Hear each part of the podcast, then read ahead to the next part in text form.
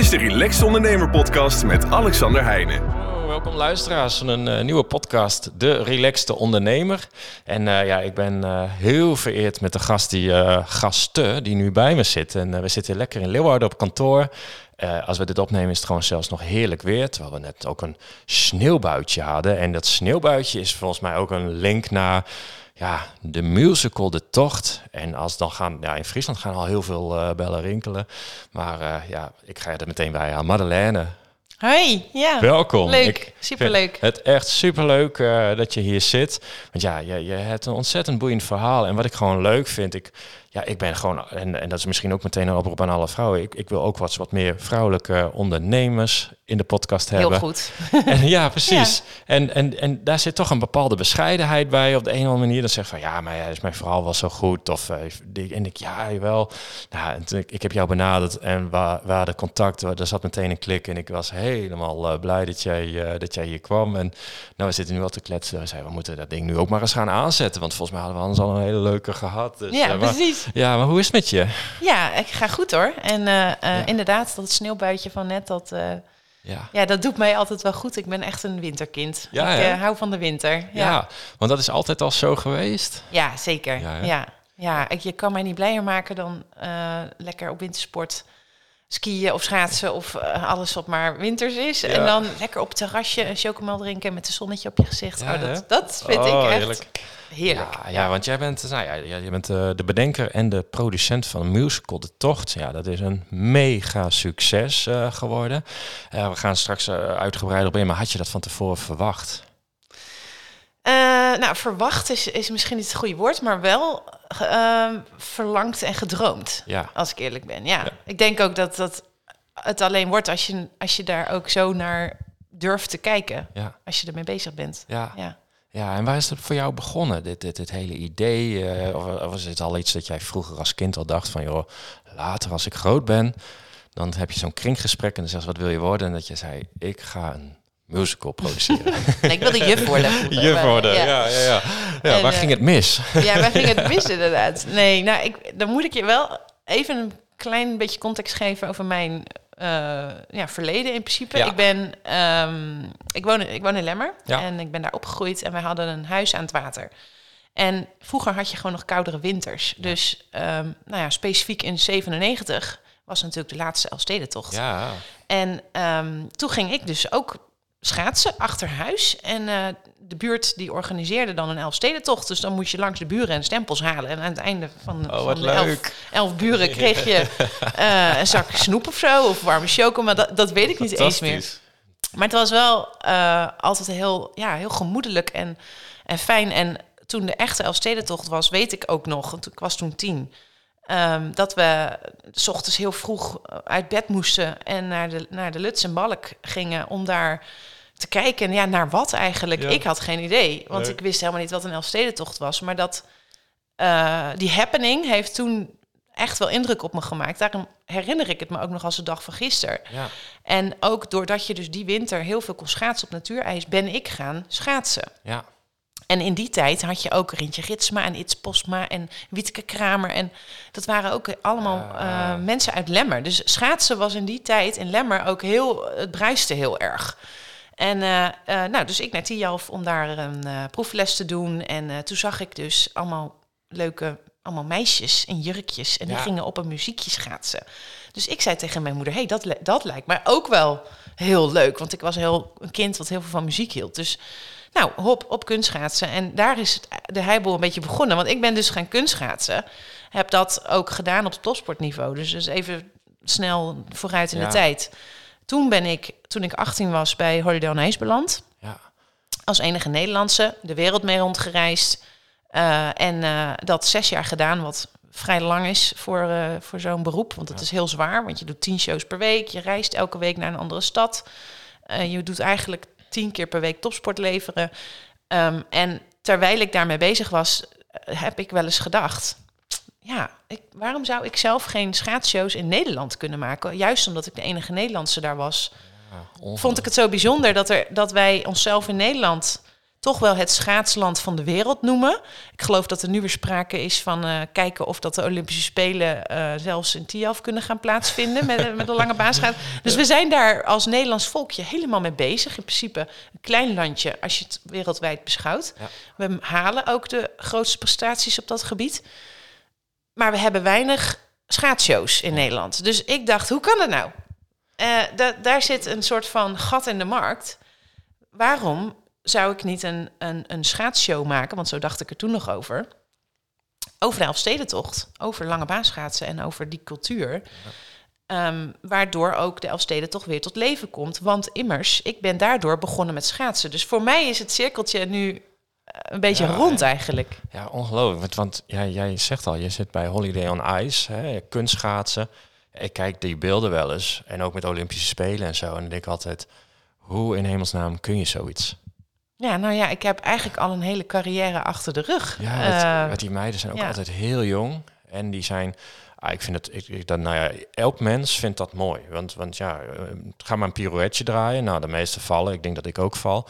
Maar jullie doen dat dan ook nog eens een keer springend in de lucht. En dan kom je weer terug op het ijs. Met, ja. Op een schaats. Ja. En dan denk ik altijd van, hoe, hoe heb je dat zelf allemaal zo kunnen aanleren? Wat, wat daar heb je trainers voor natuurlijk. Ja, dat weet ik. Maar dan, dan ga je weer vallen, opstaan, vallen, opstaan. Dat is, is, is, dat misschien al een stukje baas van je succes? Want jij bent heel vaak gevallen. 100 procent. En elke keer stond je weer op en ben je weer doorgegaan. Ja. En dan... Maar dat geldt denk ik voor elke sporter die ooit topsport gedaan heeft. Ja.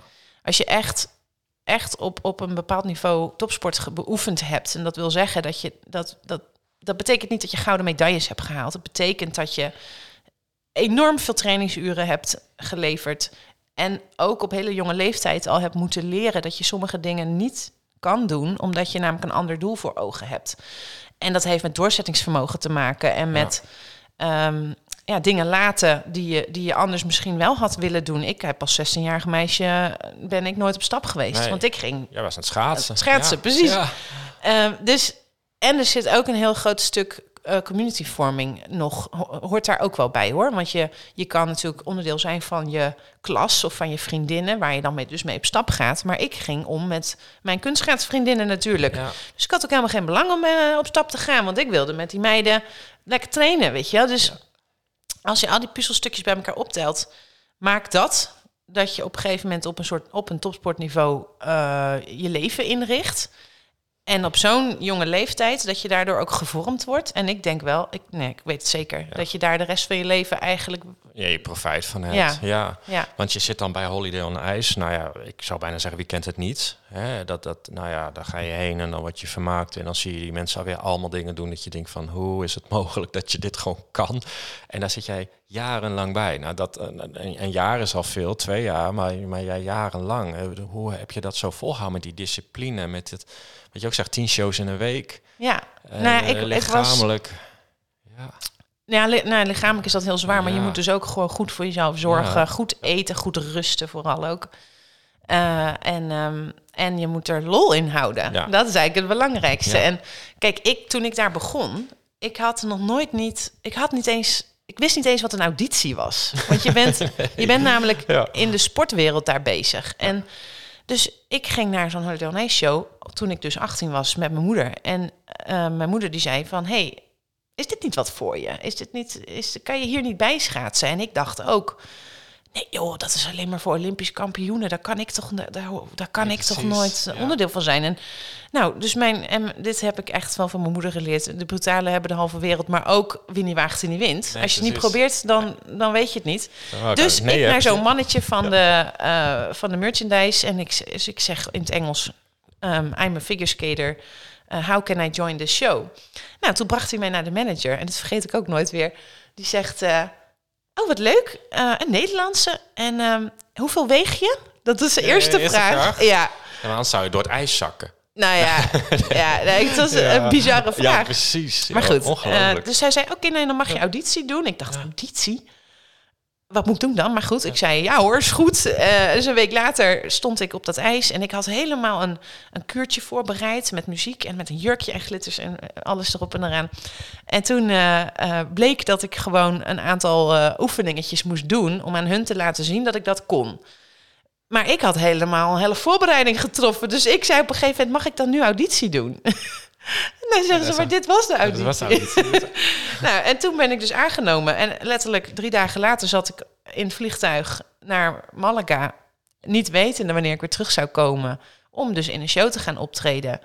En ehm, ik begon dus echt zo groen als gras. Ja. Gewoon echt niks weten. En ik denk ook dat ik het daarom zo lang volgehouden heb. Want eh, ik was heel hongerig om te leren hoe dat werkte. En dat ging ook, om zo de brug te maken naar de tocht hoor. Maar ja, ja, nee. Het- begon met- mooi verhaal, hè? ja, het, het begon met ehm, eh, gewoon überhaupt de cultuur leren kennen. Eh, wat, eh, en wat moet ik doen?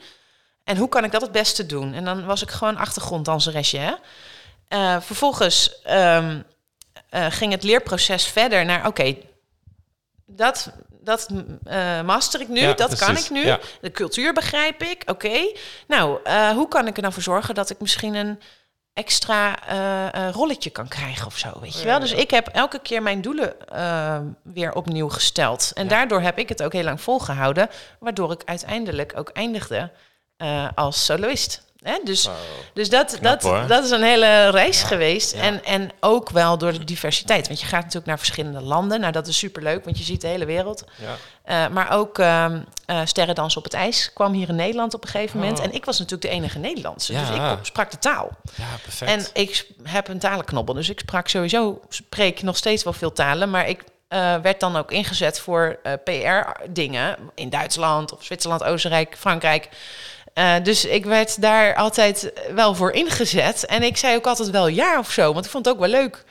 En ehm, dus het was ook wel heel divers van aard. Het was meer dan alleen maar eh, trucjes op het ijs uitvoeren. precies. er, zat, er zat natuurlijk heel veel, hele, ja, net als maar die rots Ja, want onder water. altijd, dan, dan heb je die show. En wat doe je daar omheen allemaal? Ben je dan aan het lezen? Ben je aan het voorbereiden, slapen? Dus ja, de steden bekijken steden natuurlijk. bekijken ook, ja. Ehm, heb je ook repeteren ja. moet je ook doen. Ja. Dus je gemiddeld eh, ging je reizen op maandag. Als we ver moesten, ja, dan was je heel veel tijd kwijt. Als Ja. het minder ver was, had je nog een halve dag vrij over. Ja. Ehm, nou, dinsdag had je vaak vrij en woensdag begon je repetitie al. Dus je had altijd één dag om die stad nog eventjes een beetje te bekijken, leuke leuk. dingen te doen. Ja, leuk. Nou, en, en soms hadden we ook wel eens split cities, noemden we dat dan. Dan gingen we zelfs op vrijdag of donderdag nog weer ook reizen naar een volgende stad. Dus het is een beetje circusleven, dat is echt pittig. Maar je bent ook jong, dus je houdt dat ook makkelijk vol. Ik heb wel eens een show geschaatst dat ik de avond ervoor nog op stap was geweest. En dat we dus letterlijk twee uur geslapen hadden en gewoon weer de show schaatsen. eh, Nou, weer ik een moet er niet meer aan denken. Nee, nee, nee, hou maar op. Dus eh, eh, nee, dat was echt een, echt, een, echt een hele mooie tijd. En na zes jaar had ik er alles uitgehaald wat ik wilde. In die laatste, laten we zeggen, twee jaar ben ik ook eh, steeds meer interesse gaan tonen in de productie ervan. Hoe werkt dat eigenlijk met die lampjes? Nou, Hoe werkt dat eigenlijk Dat je met die, met die. Ben je schuiftafel? al- Ben jij aan het kijken? Hoe, hoe, hoe, hoe werkt dat eigenlijk met de load-in en de load-out? Dus ik, ik begon de laatste jaren minder focus te leggen op wat ik er zelf allemaal kon halen voor, qua Ja, eh, performance. Ja. Maar meer, goh, hoe, werk, hoe maak je zo'n show eigenlijk? En nou, toen heb ik aangegeven eh, bij ehm, eh, het productiekantoor van nou, ik, ik ben eigenlijk wel een beetje klaar met dat schaatsen, zelf schaatsen. Ik wil wel graag nu helpen met produ- produceren.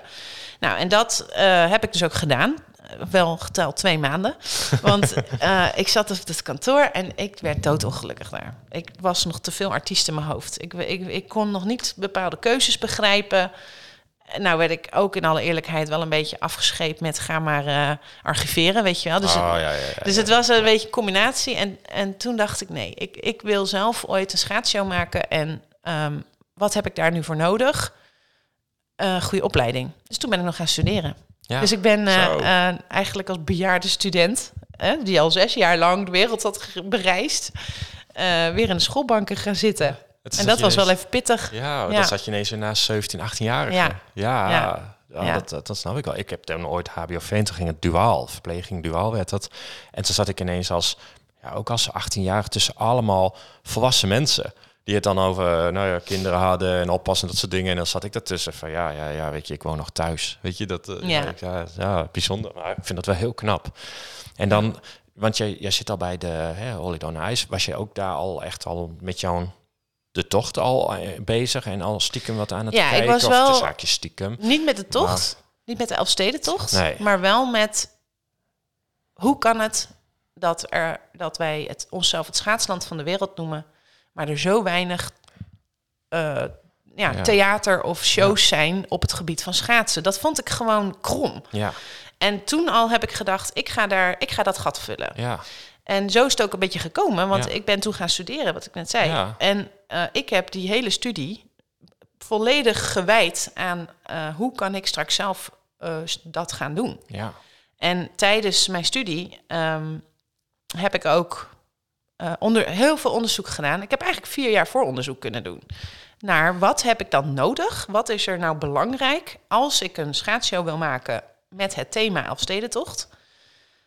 Um, wat, wat moet ik daar dan voor doen? Wat, wat, is dan, wat zijn succesfactoren eigenlijk? En Ja. dat is heus niet gegarandeerd. Maar als je geen kennis ervan hebt, en je- dan doe je eigenlijk maar wat. Ja. Nou, en ik heb nog nooit iets zomaar wat gedaan. Ik doe altijd alles wel vanuit een, een bepaalde visie of, of, of voorkennis of ja, Ja, je onderzoek. gewoon je doel voor ogen en je weet van, joh, als ik daar wil komen, zou ik al die, die, die stappen moeten nemen, want anders wordt het blind gokken of zo. Ja, ja. precies. Ja. Ja.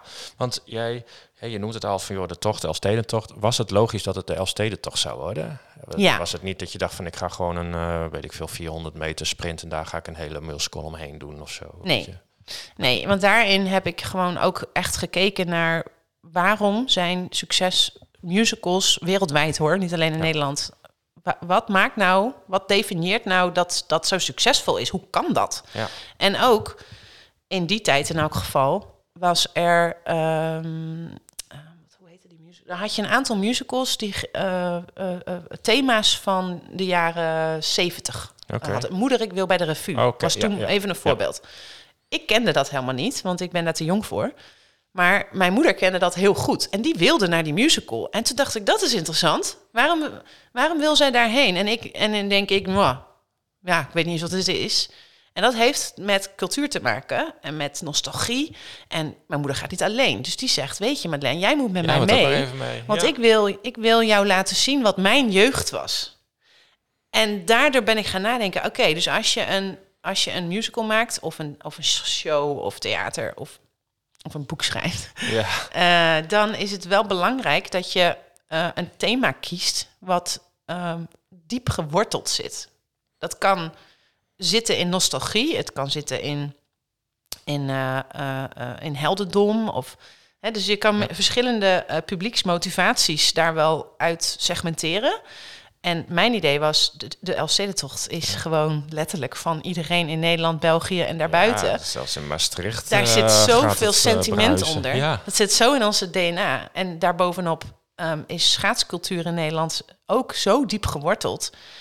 Dat er is maar één, er is maar één thema mogelijk überhaupt. Wil je daar eh, potentie van succes in zien? En dat is zelfs stedentocht. Ja. Zo is het bij mij begonnen. Een 400 meter korte baanwedstrijd. Dat kent iemand in Limburg niet. Dus dan moet je dat eerst helemaal gaan uitleggen. ja, ja, ja. En, en weet jij nog een moment dat je zei van, ook- dat je dacht van, oké, nu ga ik het doen?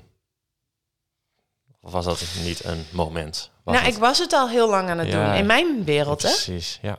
Dus, dus ik Het was, was niet... echt een proces. Ja, het is heel organisch gegaan. En Ja. ehm, ik had niet verwacht dat het. ehm, ik had niet bedacht, nou weet je, ik ga dat vanaf nu ga ik dat doen en dat is over tien jaar een succes. Dat zo heb ik nog nooit niet gedacht.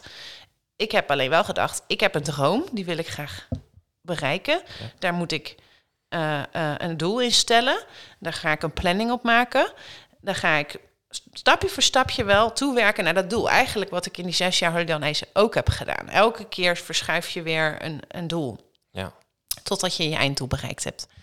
En ehm, dat is mijn motivatie gewoon geweest. En dat, dat is heel organisch gegroeid. En, en soms krijg je ook even wat mazzel op je pad. Dat je iets op je pad krijgt dat je denkt, ja, dit helpt. Dit helpt nou even om mijn doel te bereiken. Soms krijg je ook pech. Hè? Ja. Dan heb je even een hobbel in de Ja. weg. Nou ja, dan ga je daar ook weer mee om. Ja, en, Ja. en dan gaan we naar de tocht toe. Dat is, nou ja, wat ik al zei, het is een mega succes. Maar het is niet de standaard. Ik ga in mijn stoel zitten, daar zit een podium. Mensen doen een rollenschaats zonder. En eh dan spelen we ijs na. Het Nee. is echt compleet echt. Ja, Eh, bewegende onderdelen. Nou, dat moet je zelf maar even vertellen. Wat, ook dat zijn weer dingen. Dat, dat, dat is gaandeweg is dat gewoon bij jou ontstaan van... Goh, hey, eh, dit ga ik zo aankleden. Want ja, dit is, het is gewoon weer heel uniek. en toch ook weer niet, maar ook weer wel. Snap je hoe ik hem wil? Uh, nee, zeker. Ik, ik, wat ik je kan vertellen hierover is dat ik toen ik hier aan begon, aan het idee... wat nou als we een musical over de Elfstedentocht maken... Um, daar heb ik toen wel vier uh, pijlers voor opgeschreven... die enorm belangrijk zijn. Eigenlijk de vier fundering, funderingspalen... Ja, die, die hoe dan ook daarin terug moeten komen. Ja. En het eerste, uh, en dat is los van volgorde van prioriteit hoor. Ja.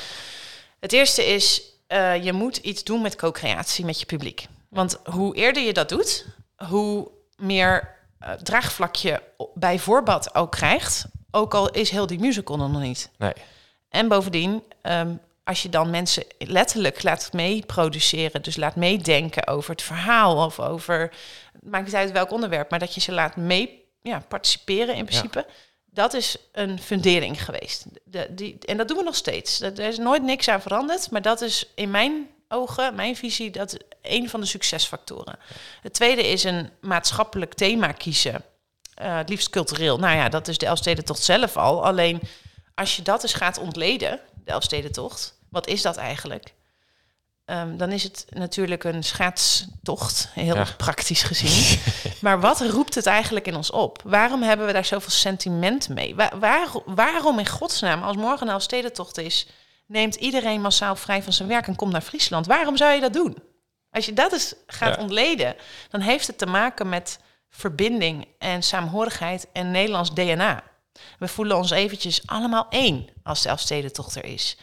En dat is op dit moment een heel schrijnend contrast met de maatschappij zoals die nu is, waarin we enorm polariseren. Dus ja, sorry dat ik er zo lang uh, over nee, vertel hoor, maar uh, ik, ik, dit is mijn filosofie. Ik luister vol dat, aandacht. Ja, dat die, um, uh, die maatschappelijke discussie eigenlijk, of het, of het schrille contrast daarvan, wat dus de Elfsteden toch in zich heeft, als je dat weet te vangen in een uitingsvorm, wat toevallig bij onze musical is, en waar je dus eigenlijk iets van leert, dat is ook een succesfactor. Als je, ik wil mezelf totaal niet met Soldaat van Oranje vergelijken, maar soms legt het even makkelijk uit. Ja, ja, wat zou jij doen? Precies, Welke keuze maak je? Dat is de maatschappelijke discussie en boodschap die daaronder ligt. nou, dat is bij de tocht net zo goed.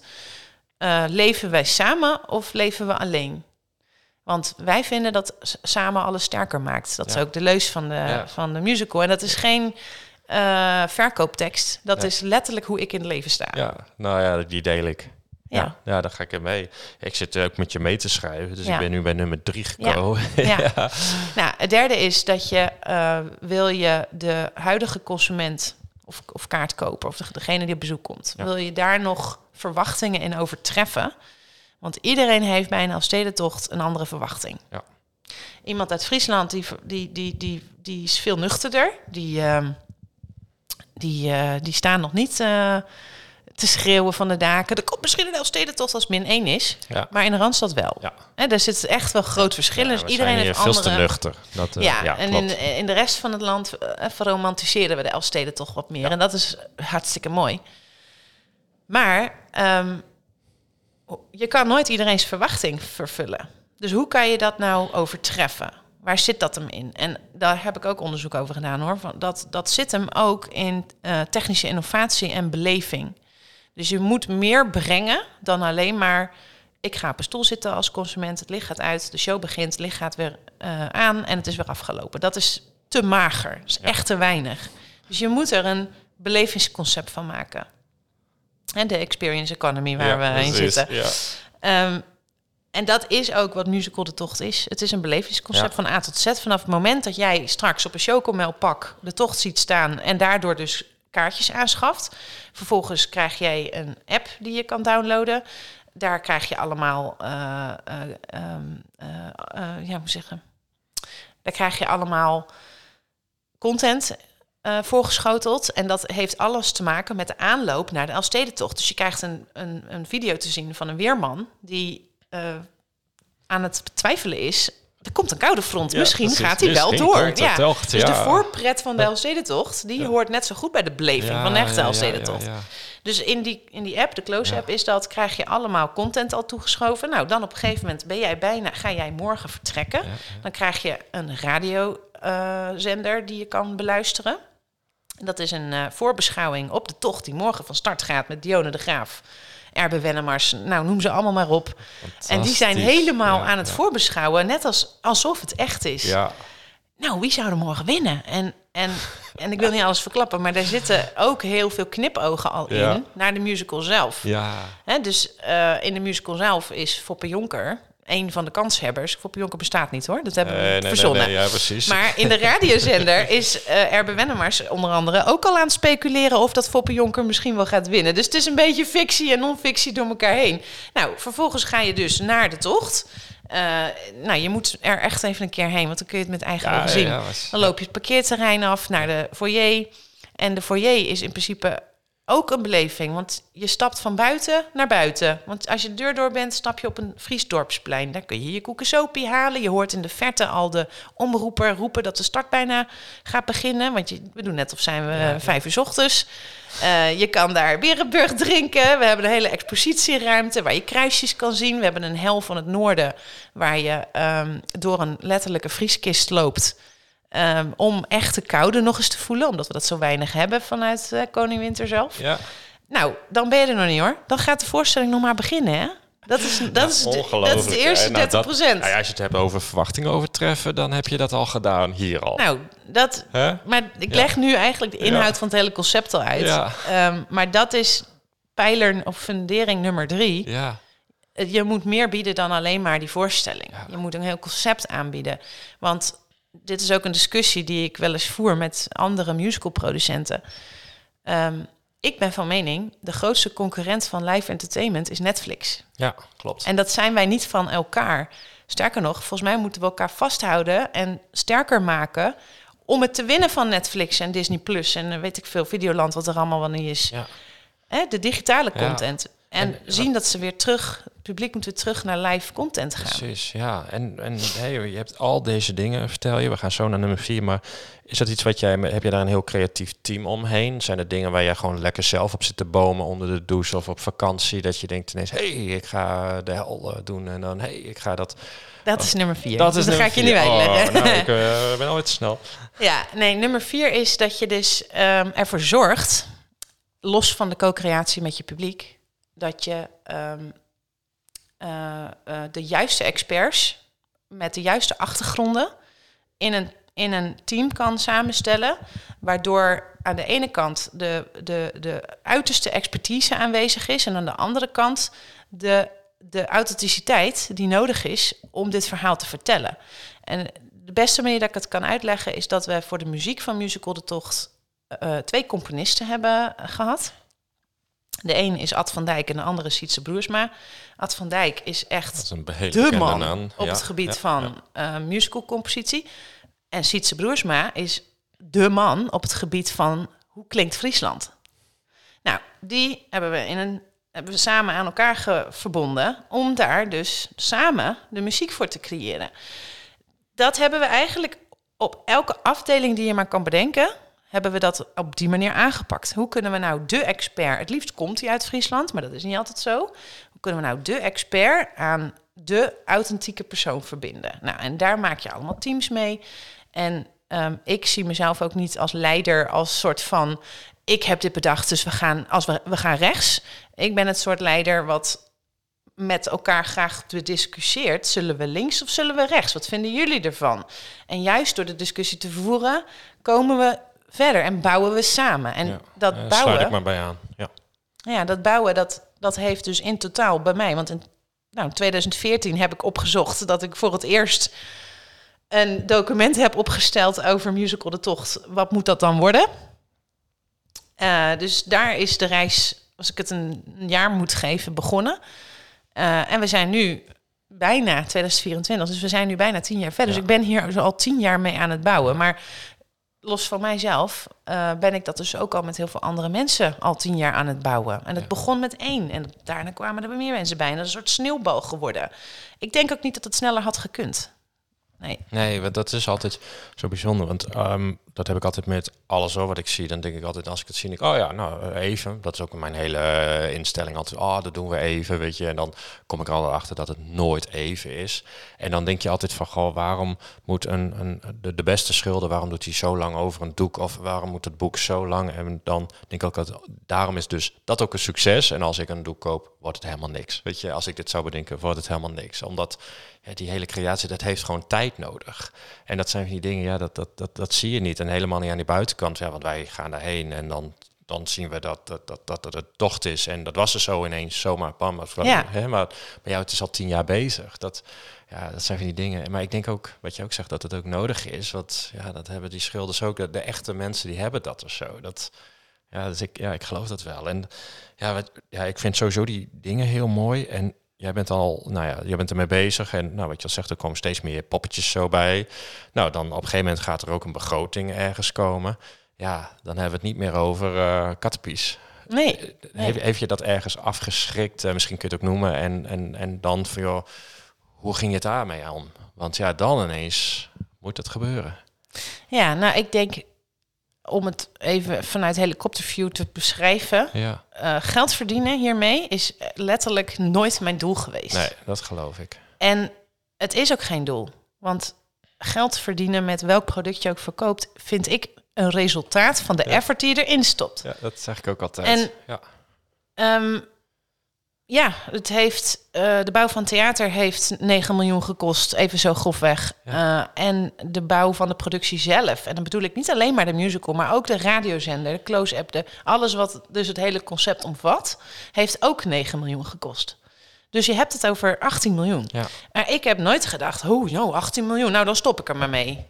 Nee. nee maar want heeft, dat nodig gehad in je hoofd om, om eraan te wennen? Want ik heb bijvoorbeeld met bepaalde bedragen, dan had ik soms echt wel even een half jaar of een jaar echt nodig om aan een bepaald bedrag te wennen. En dan, dan ineens, dan vond ik het normaal. En dan was hij er ook ineens. Weet je, ja, dat ook nou, ik, voor mij is het ik weet niet, ik heb wat meer, zolang ik het nog kan relateren aan een aan iets wat je zou, bijvoorbeeld een auto. Ja. Nou, dan heb je het over bijvoorbeeld uh, 30 of 40.000 euro. Daar kan ik me dan nog iets bij voorstellen, weet je wel? Oh, dat is een auto waard. Of een huis, uh, iets wat 4 ton of 5 ton. Daar kan ik me nog, oh, dat is een huis waard. Dus daar kan ik me nog ergens, um, ja, uh, wordt het een beetje tastbaar of zo. Alles daarboven worden cijfers. Ja. En of je het dan over 1, 2, 3 of 4 miljoen hebt, althans zo is het voor mij gegaan. Maak dan, ja, dan zijn het cijfers. Maar je kan bijna niet meer tastbaar voor jezelf maken. Ik niet in ieder geval. Wat dat, wat dat, wat dat, hoeveel dat eigenlijk is. Ja. dus, dus dan worden het rekensommetjes. Ja, precies. Dan is het een begroting en dan wordt het een doel en dan wordt het een plan en dan is het uitvoeren. Ja. En, en wat was het moment dat je zei van mooi, ik uh, ga nu al die ideeën, ik heb nu zoveel mensen om me heen verzameld, ik heb nu die en nou is het gas erop, want nu gaan we het gewoon doen. Weet je, dat er komt zo'n moment dat je weet van ja, nu moet ik gaan of ik stop definitief. Hè? Dat, dat, nee, dat heb ik gewoon nooit gehad. Nee. Dit moment heeft bij mij nooit, is überhaupt niet, nee, het is gewoon niet geweest. Ik ben altijd doorgegaan. Je bent gewoon elke keer. Ik heb nooit gedacht, maar weet je, zal ik nu even stoppen? Nee. Nee. Maar niet, niets uh, waar ik wat meer naartoe vind, dat je op een gegeven moment zegt, ja, dan, dan je bent al zo ver, nu moet ik gewoon doorgaan en nu is er niet meer een weg terug. Ja, dat was wel op het moment dat je echt kaartjes gaat verkopen. Ja. Dat was het moment. Ja, want dan gaan mensen dus geld aan jou geven, of aan het bedrijf geven, omdat ze daar later iets voor terug verwachten. Dus als je, als je één keer ook maar één kaartje verkocht hebt, dan kun je niet meer terug. Want dan heb je beloofd aan die ander, nu krijg jij iets in return dat is zeker wel een moment van uh, point of no return, zeg maar. Behalve dat je failliet zou gaan of zo. Maar dat, dat is nooit aan de orde geweest ook. Nee, want ik vind dat echt een stoer antwoord. Want um, er komen bij mij ook vaak ondernemers. en dan, nou, dan gaan we ook bepaalde plannen, die maken we heel tastbaar.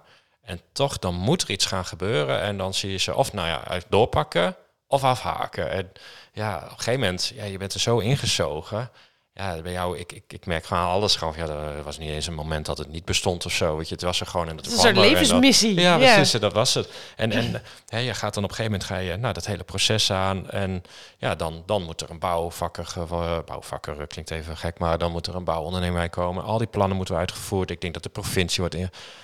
Hoe, hoe, hoe, ga, hoe, hoe vlieg je dat aan? Ja, dat is dus wat ik zeg, een heel erg organisch Ja, proces precies. geweest. Het Ja. is niet. Het is ook niet zo van. ehm, het is geen. Hoe noem je dat nou? Mm. Het is geen horizontale programmering. Ik weet even niet hoe ik het anders moet Nee, omschrijven. Het zijn, het zijn wel duizend processen Ja. die allemaal parallel aan elkaar lopen. Ja. Dus het is niet zo van, nou, nu ga ik eerst even de begroting maken en dan ga ik daarna het volgende oppakken. Nee, je bent al een script aan het schrijven. Je bent al mensen aan het vragen om je te helpen. En je bent tegelijkertijd de begroting aan het maken. Ja. Even zo gezegd. Maar dat zijn maar drie procesjes. Maar de, zo heb je er wel duizend. En ja, ik denk wel dat dat nodig is. Ja. Eh, en zo heb ik er op dat moment nooit per se naar gekeken van analyserend van oké, nou ik ben nu met duizend processen tegelijk bezig. Nee, je doet het gewoon. Ja. Ik denk dat dat wel keyword is. Je moet het gewoon doen. Ja, precies. Maar ja, je bent echt enorm bescheiden hoor. Dus misschien moet ik je er nog meer uit, uit het tentelijk op een goede manier. Want, want wat jij doet is best wel heel bijzonder. Er zijn maar weinig die dit kunnen. Heb je dat van jezelf door? Dat het gewoon wat jij nu hier hebt neergezet en dat hele proces, dat dat echt niet zomaar iets is. Ja, Zijn- ik is- heb is dat zeker. Is, nee, misschien ja. jouw omgeving die zegt van, joh, hey, eh, Marlene, kom eens even stilstaan. Moet eens even zien wat je daar hebt neergezet. Nou, ik heb dat niet nodig. Dat, dat klinkt misschien heel erg. Je zegt dat ik bescheiden ben, maar misschien ben ik eigenlijk wel heel arrogant. Eh, ehm, ik doe dit op mijn. Ik wil gewoon mezelf in de spiegel aankijken dat wat ik doe, dat ik dat doe tot het uiterste van mijn eigen vermogen. En of, of mijn omgeving of een ander daarvan zegt: Het is wel heel bijzonder wat je doet. Ja, dat vind ik heel leuk. Maar ik moet het zelf vinden. En als jij het vindt, ja, je mag het ook stom vinden. Ook goed. Maar ik vind er zelf wat van. En dat mijn mening vind ik zelf, zelf het belangrijkste eigenlijk. Ja, dat is het ook. Dus ik ben niet bescheiden. Ik ben juist heel erg bezig met mijn eigen doelen halen. Dat ik bij Holiday geschaatst heb, dat was ook heel bijzonder. En in alle eerlijkheid melk ik dat ook natuurlijk wel eens uit. Weet je wel? Dan denk ik, oké, jij vindt dat bijzonder. Dat is fijn, want dan kan ik namelijk daar eh, eh, iets mee bereiken. Ja, ja, ja, maar tegelijkertijd, heel eerlijk, ik heb gewoon heel hard getraind om een goede schaatser te worden. Ik ben bij zo'n show gaan schaatsen. Ik heb daar de tijd van mijn leven gehad. Ik heb het leuk gehad. Of jij dat nou bijzonder vindt of stom vindt, I don't care. dat klinkt misschien een beetje Ja, raar. nou, maar je- zo sta ik in het leven. Ja, ja nee, ik heb het, eh, wat ik zelf heb gehad. Dus op een gegeven moment, hey, ik bouw mijn bedrijven, ik weet hoe ik dat moet doen. En dan had je die mensen in dienst en dan zat je in een bepaalde rush. Hè, en, en, en je rent ook ergens door. En ik vond het ook gewoon normaal, weet je, gewoon zo. Dus, dat, dus ja, ik vond dat niet bijzonder. Maar wat op een gegeven moment zeiden vrienden van, joh, heb je wel door wat je aan het doen bent? Ja, ja, maar we gaan nu dat doen, dat weet je altijd. En dat op een gegeven moment dat ik wel eens dacht van, oké, dan moet ik eens even gaan stilstaan. Dus even weer uitzoomen en dan, hé, hey, ja, dat is ook misschien best wel bijzonder. Nu zag ik altijd dat waar ik naartoe wil, dat het nog groter was en nog bijzonderder. En verzin het allemaal. Maar toen ergens, bij mij is toen wel ergens iets gaan landen van, hé, hey, ja, oh ja, dat is toch best wel bijzonder. En dan ga je zo rekenen, oké, ja, eigenlijk behoren wij tot de 0,0 zoveel procent bedrijf of zo, weet je, omdat wij al zo lang bestaan, zoveel omzet, Ja. zoveel. En dat je denkt, oh ja, het is wel bijzonder. Tegelijkertijd, dat duurt een minuut en dan gaan we weer door. Ja. Maar wel dat je denkt, hé, hey, ja, ja, dat Ja. is, dat is Maar het dat doe ik wel hoor. Ja, En, en ook wel, ehm, eh, eh, het is ook heel belangrijk om mijlpaaltjes te vieren. ja, ja, ja. Want als je ze niet viert, dan, althans ik, kom dan in een soort kritische negatieve spiraal terecht. Ja. Kan nog beter, kan nog... Ja, nee, Ja. het is misschien ook wel eens goed. ja. Hè, dus ook al hadden we de première datum nog niet gehaald... op het moment dat wij eh, de vergunning kregen voor de bouw van eh, theater... dus de hele voorstelling was er nog niet, maar dat was wel een mijlpaal... Joh, dat heb ik wel eventjes goed gevierd met een wijntje en eh holla die weet je. Dus ik, momenten moet je zeker moet, moet ik vieren voor mezelf, want Ja. anders hou ik het ook niet vol. Nee, precies. En dan sta je daar wel even bij stil. Maar de volgende dag ga je wel weer verder. Door. Ja. Hey, en, en nou ja, jullie hebben ook eh, bewegende onderdelen. Ja. Hoe, hoe kwam je daar zo bij? Nou, dat heb ik niet bedacht. Nee, dat, eh, Dat heeft dus dat, dat krachtige team bedacht. Ja. Eh, die, eh, die, Want voor de luisteraars die niet weten, kun je het misschien kort Ja. zeggen?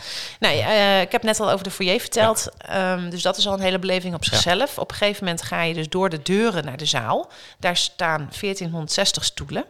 Die zijn op een bepaalde hoogte ingezet. Omdat je namelijk ehm, het goed wil zien. Maar ook om uh, scènes intiem te maken. Dat je het niet het gevoel hebt dat je net als in een voetbalstadion naar kleine poppetjes zit te kijken. Maar dat je, dat je het gevoel hebt dat het dichtbij je is. Um, en het heeft nog een reden, omdat er namelijk een uh, ja, wij noemen het een donut, maar het is een, een, uh, een, een um, draaischijf. Het is eigenlijk een soort loopband om de tribune heen, ja. waar dus ijs op ligt. En dat ding dat draait tijdens de voorstelling op verschillende momenten. En op zo'n moment kan uh, een, een acteur die daar een rol speelt, vooruit schaatsen, um, terwijl die stilstaat. Ja.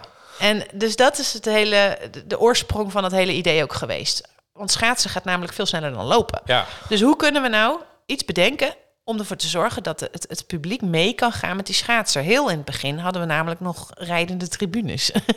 om datzelfde probleem ja. te tackelen. Maar ja, dat bleek allemaal niet haalbaar. En toen kwam iemand anders uit ons team met het, met het idee. En wat nou als we het ijs laten draaien? Ja. Nou, en, en, en ja, zo, uh, zo is, is, dat, dat allemaal uh, gegaan. Fantastisch. En, ja, nou, dus dat, uh, en dat is nog niet alles. Want we hebben ook nog enorm grote ledschermen uh, die open en dicht gaan. En dat is ook allemaal de ja, nieuwste technologie. Inmiddels, de technologie van vandaag is eigenlijk alweer verouderd. Hè? Ja. Dus, uh, uh, maar dat biedt zoveel um, ja, innovatieve kansen om met content om te gaan. Dus op een gegeven moment zit je in de zaal. En dan draait het ijs zeg maar rechtsom, terwijl de content op de schermen linksom draait. Dus je krijgt zelf de illusie van draai ik nou of draait de rest nou? Het is een beetje, ken je dat je in de trein zit ja, ja, en dat een andere precies. trein vertrekt en dat je denkt, huh, of vertrek ik niet? Nou, dat gevoel, dat, precies dat gevoel, dat heb je dus een aantal keer tijdens de voorstelling. Ja. En, uh, en dan heb je nog het hele achterhuis, um, waar uh, de acteurs natuurlijk uh, hun kleedkamers hebben en de catering. En dat is ook nog een heel, ja, hele onderneming op zichzelf dat, eigenlijk. Ja, en dan, dan gaan we weer... Um, een stukje vooruit. De tocht is inmiddels een mega succes. Uh, ik, ik, denk, we kunnen nu aantallen noemen. Het was ooit 125.000. Op het moment dat we dit uitzenden, 15 december, zullen het er weer veel meer zijn. En op het moment dat mensen het luisteren in januari, zijn het alweer veel meer. Dus, ja. dus weet je, dat, dat gaat maar door. Uh, nou, ze komen vanuit het hele land al naar Leeuwarden toe. Hè, dat, dat doen ze ook met echt Elfsteden toch, maar ook bij de tocht. Ja. En, en hebben jullie ook alweer nieuwe piketpaaltjes moeten slaan, omdat het, ja, het succes is echt mega. De recensies zijn mega. Ik ken heel veel mensen die er al geweest zijn, die vinden het fantastisch. Dus je wordt ook hier helemaal opgefokt om er ook heen te gaan. Ja, precies. Dus dat is, ja. ja, wij gaan ook heen. Hè. Dat kan zei omdat dat, ja, dat moet. En, en heb je nu ook ambities al aangepast naar de toekomst? Die zegt, ja, hey, wacht even. We hadden misschien bedacht dat we tot en met januari wilden draaien. En dan waren we, helemaal blij geweest. Maar dat, dat gaat nu, uh, word je nieuwe soldaat van Oranje misschien of zo? Uh. Ja, nou die vergelijk maak ik zelf uh, eigenlijk nooit, want nee. het is zo'n ander concept. Ja. Um, maar wij zelf hebben natuurlijk wel de hoop dat de Elfstedentocht, zoals wij hem nu hebben gecreëerd, jaren en jaren door mag gaan. Ja. Want de visie van Musical De Tocht is ook dat wij de Elfstedentocht en de cultuur daarvan willen doorgeven aan volgende generaties. Dat wil niet zeggen dat elk, elk kind van vier erheen moet. Maar als je erover nadenkt, 97, er zijn dus nu mensen die zijn 18 die hebben nog nooit een Elfstedentocht meegemaakt. Nee, het is klopt. 26 jaar geleden ja. bijna. Dat vind ik een bizarre idee. Dat er dus nu al volwassen generaties zijn die nog nooit een Elfstedentocht hebben meegemaakt, terwijl dat zo Nederlands is. Ja. Nou, ik wil gewoon dat al die mensen die hem nog nooit hebben meegemaakt, dat die de Elf, het Elfsteden gevoel in elk geval, zoals wij dat hebben geprobeerd neer te zetten, uh, een keer meemaken. Ja. Dat is mijn ultieme doel. En of dat nou binnen een jaar of binnen tien of binnen dertig jaar is, dat zullen we wel zien. Ja, maar dat precies. is mijn ultieme doel. Ja, ja, ik woon in Leeuwarden, dus ik hoop wel dat hij... Elk jaar hopen wij ook dat hij komt. Zoals zei van, ja, we wonen nu in Leeuwarden, dus ja, nu moet hij ook gewoon komen, ja. weet je. Dus uh, we hebben de laatste natuurlijk al wel geschaatst. De laatste twee jaar geleden. Ja. Dus, uh, en terwijl wij aan het opnemen zijn, net ging het alweer lekker aan het sneeuwen. Ja, dan is het weer droog, dus ik vind het echt wel grappig. Hey, en dan... Uh, nog, nog even inzoomend op jou. Je bent uh, producent, je bent ondernemer, je bent uh, je hebt privé ook nog een heel mooi leven. Je, uh, je bent, bent, bent creatieveling, je bent van alles. Wat, wat, wat vind je jezelf het meest? Ik vind mezelf echt een creatief producent. Ja. dus ik ben um, niet iemand die in één ding heel goed is. Ik ben eigenlijk in, in wel meerdere dingen een beetje goed. Ja. Of, of ik heb er kennis van, of ik heb er een goed vingerspitsen gevoel ja. bij. Ehm, ik denk wel dat ik denk dat ik een, een. Ik ben wel echt een manager. Dus ik ben iemand die verbindingen maakt, die de juiste mensen bij elkaar brengt om uiteindelijk boven hunzelf uit te stijgen. Ehm, dus zo zie ik mijzelf heel erg. Dus echt meer een, ja, een ondernemer. Ja, ja, en, en wat ik ook mooi vind, je bent ook gewoon, hè, ik ben 40, jij bent iets jonger. Uh, dat, dat, is nog zo jong. Want, want als je dat zegt van jongens, we hebben de tocht. Uh, iemand heeft dat geproduceerd. Ja, dan denk ik aan een oude man of een oude vrouw. Gewoon, want ja, daar moet er heel veel ervaring bij zijn. Want dit is echt een mega productie. Maar je bent ook nog hartstikke jong. Uh, merk je dat dat in je voordeel werkt? Merk je, merk je dat dat niet een rol speelt of misschien juist in je nadeel? Jouw leven? Nou ja, ik, ik denk dat Um, ik snap dat je denkt dat zal wel een oude man zijn of een oude vrouw. Of in ieder geval een ouder iemand. Ja, iemand met heel veel En in alle eerlijkheid, die zijn er ook, hè? Ja. Die heb ik ook in het team. Ja. Dus er zijn ook... De regisseur die de tocht heeft geregisseerd... die is al boven de 70. Uh, de zakelijk directeur uh, van de tocht... die is ook al in de 60. Maar... Um, dus dus ik snap jouw jou, je soort van aanname. En, en in, in werkelijkheid is die aanname ook waar. Want die mensen zitten ook bij de tocht. Hè? En juist de combinatie van jong en oud. En ervaring en frisse ideeën. En goede communicatie. Die drie dingen. Da daar komt magie uit. Daar geloof ik heilig ja, in. Nee, ja, en, bij uh, ons is het net zo. Hè? En soms uh, gebruik je het ook wel eens uh, een beetje politiek. In de zin van... dan ga ik met... met Hans, de zakelijk directeur, uh, naar gesprek. En dan uh, zijn we een beetje good cop, bad cop eigenlijk, weet je wel. De, de frisse Madeleine die uh, naïef en positief is. Hè? Dat is een beetje de rol die ik dan speel. En, en, en, en Hans die de ervaring op zak heeft en weet hoe het werkt en de realist. En, nou, en die dynamiek, ja, dat, is vaak, dat werkt vaak wel heel goed. Ja. Uh, en ik denk dat het in essentie ook wel zo is. Ik ben ook zeker wel een realist, maar ik ben in de basis echt een optimist. Ja. En ik denk ook dat als je iets nieuws begint, dus van echt van helemaal niks naar een product of een bedrijf waar inmiddels 200 mensen werken en een begroting van 18 miljoen, dat um, is volgens mij ook alleen maar haalbaar als je optimistisch in ja, de kern bent. Precies. Dat denk Want ik dan wil je sommige beren niet zien. Of je, je, je, je, je ziet ze wel, maar je, je zorgt ervoor dat ze niet in je weg staan. En ja, ik denk wel dat dat heel belangrijk is. Ja. Nou, ik vind het echt, uh, ja, ik ben met je eens trouwens.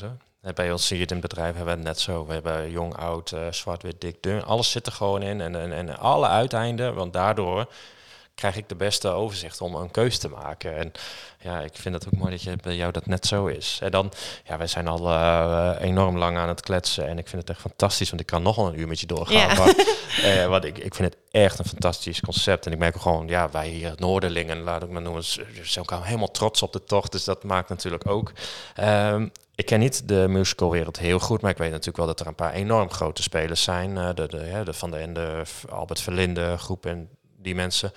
Uh, is het dan ook zo, die zien jou dat ook allemaal doen, dat die bellen en zeggen, hey, wat leuk wat je doet? Of uh, merk je dan juist het omgekeerde? Hoe werkt het in jullie? Ja, nou, ik vind in general, want je hebt wel eens een uh, producentenoverleg voor de Musical Awards bijvoorbeeld. Ja.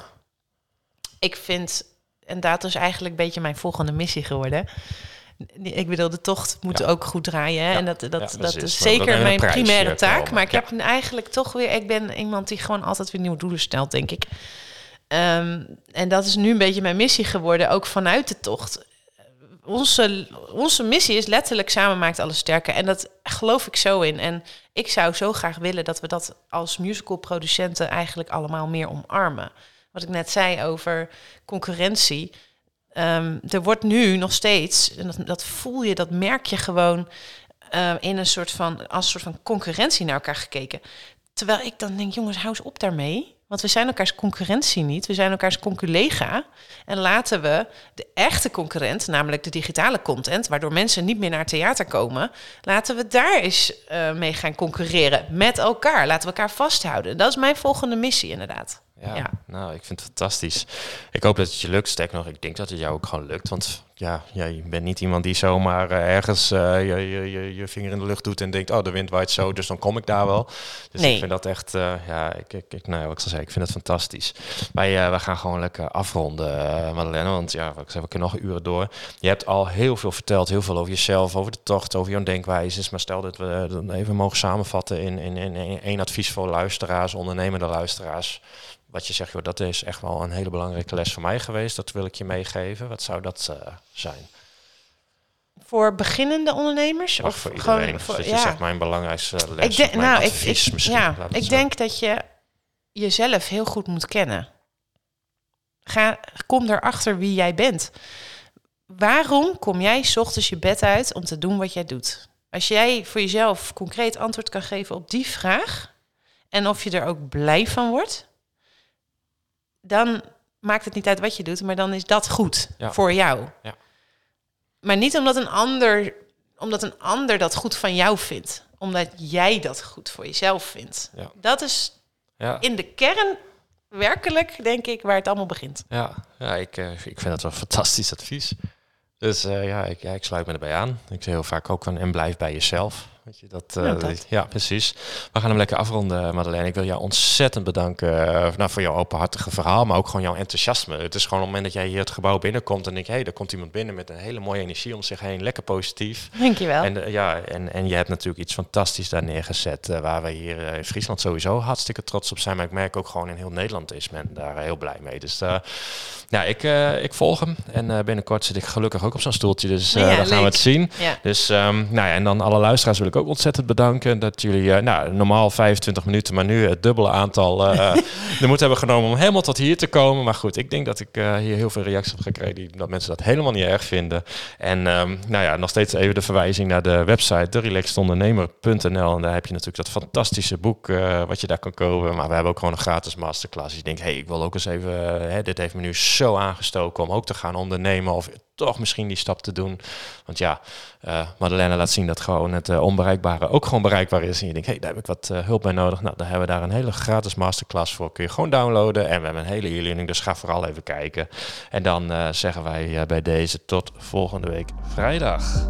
Dit was de Relaxed Ondernemer podcast met Alexander Heijnen. Bedankt voor het luisteren en tot de volgende keer.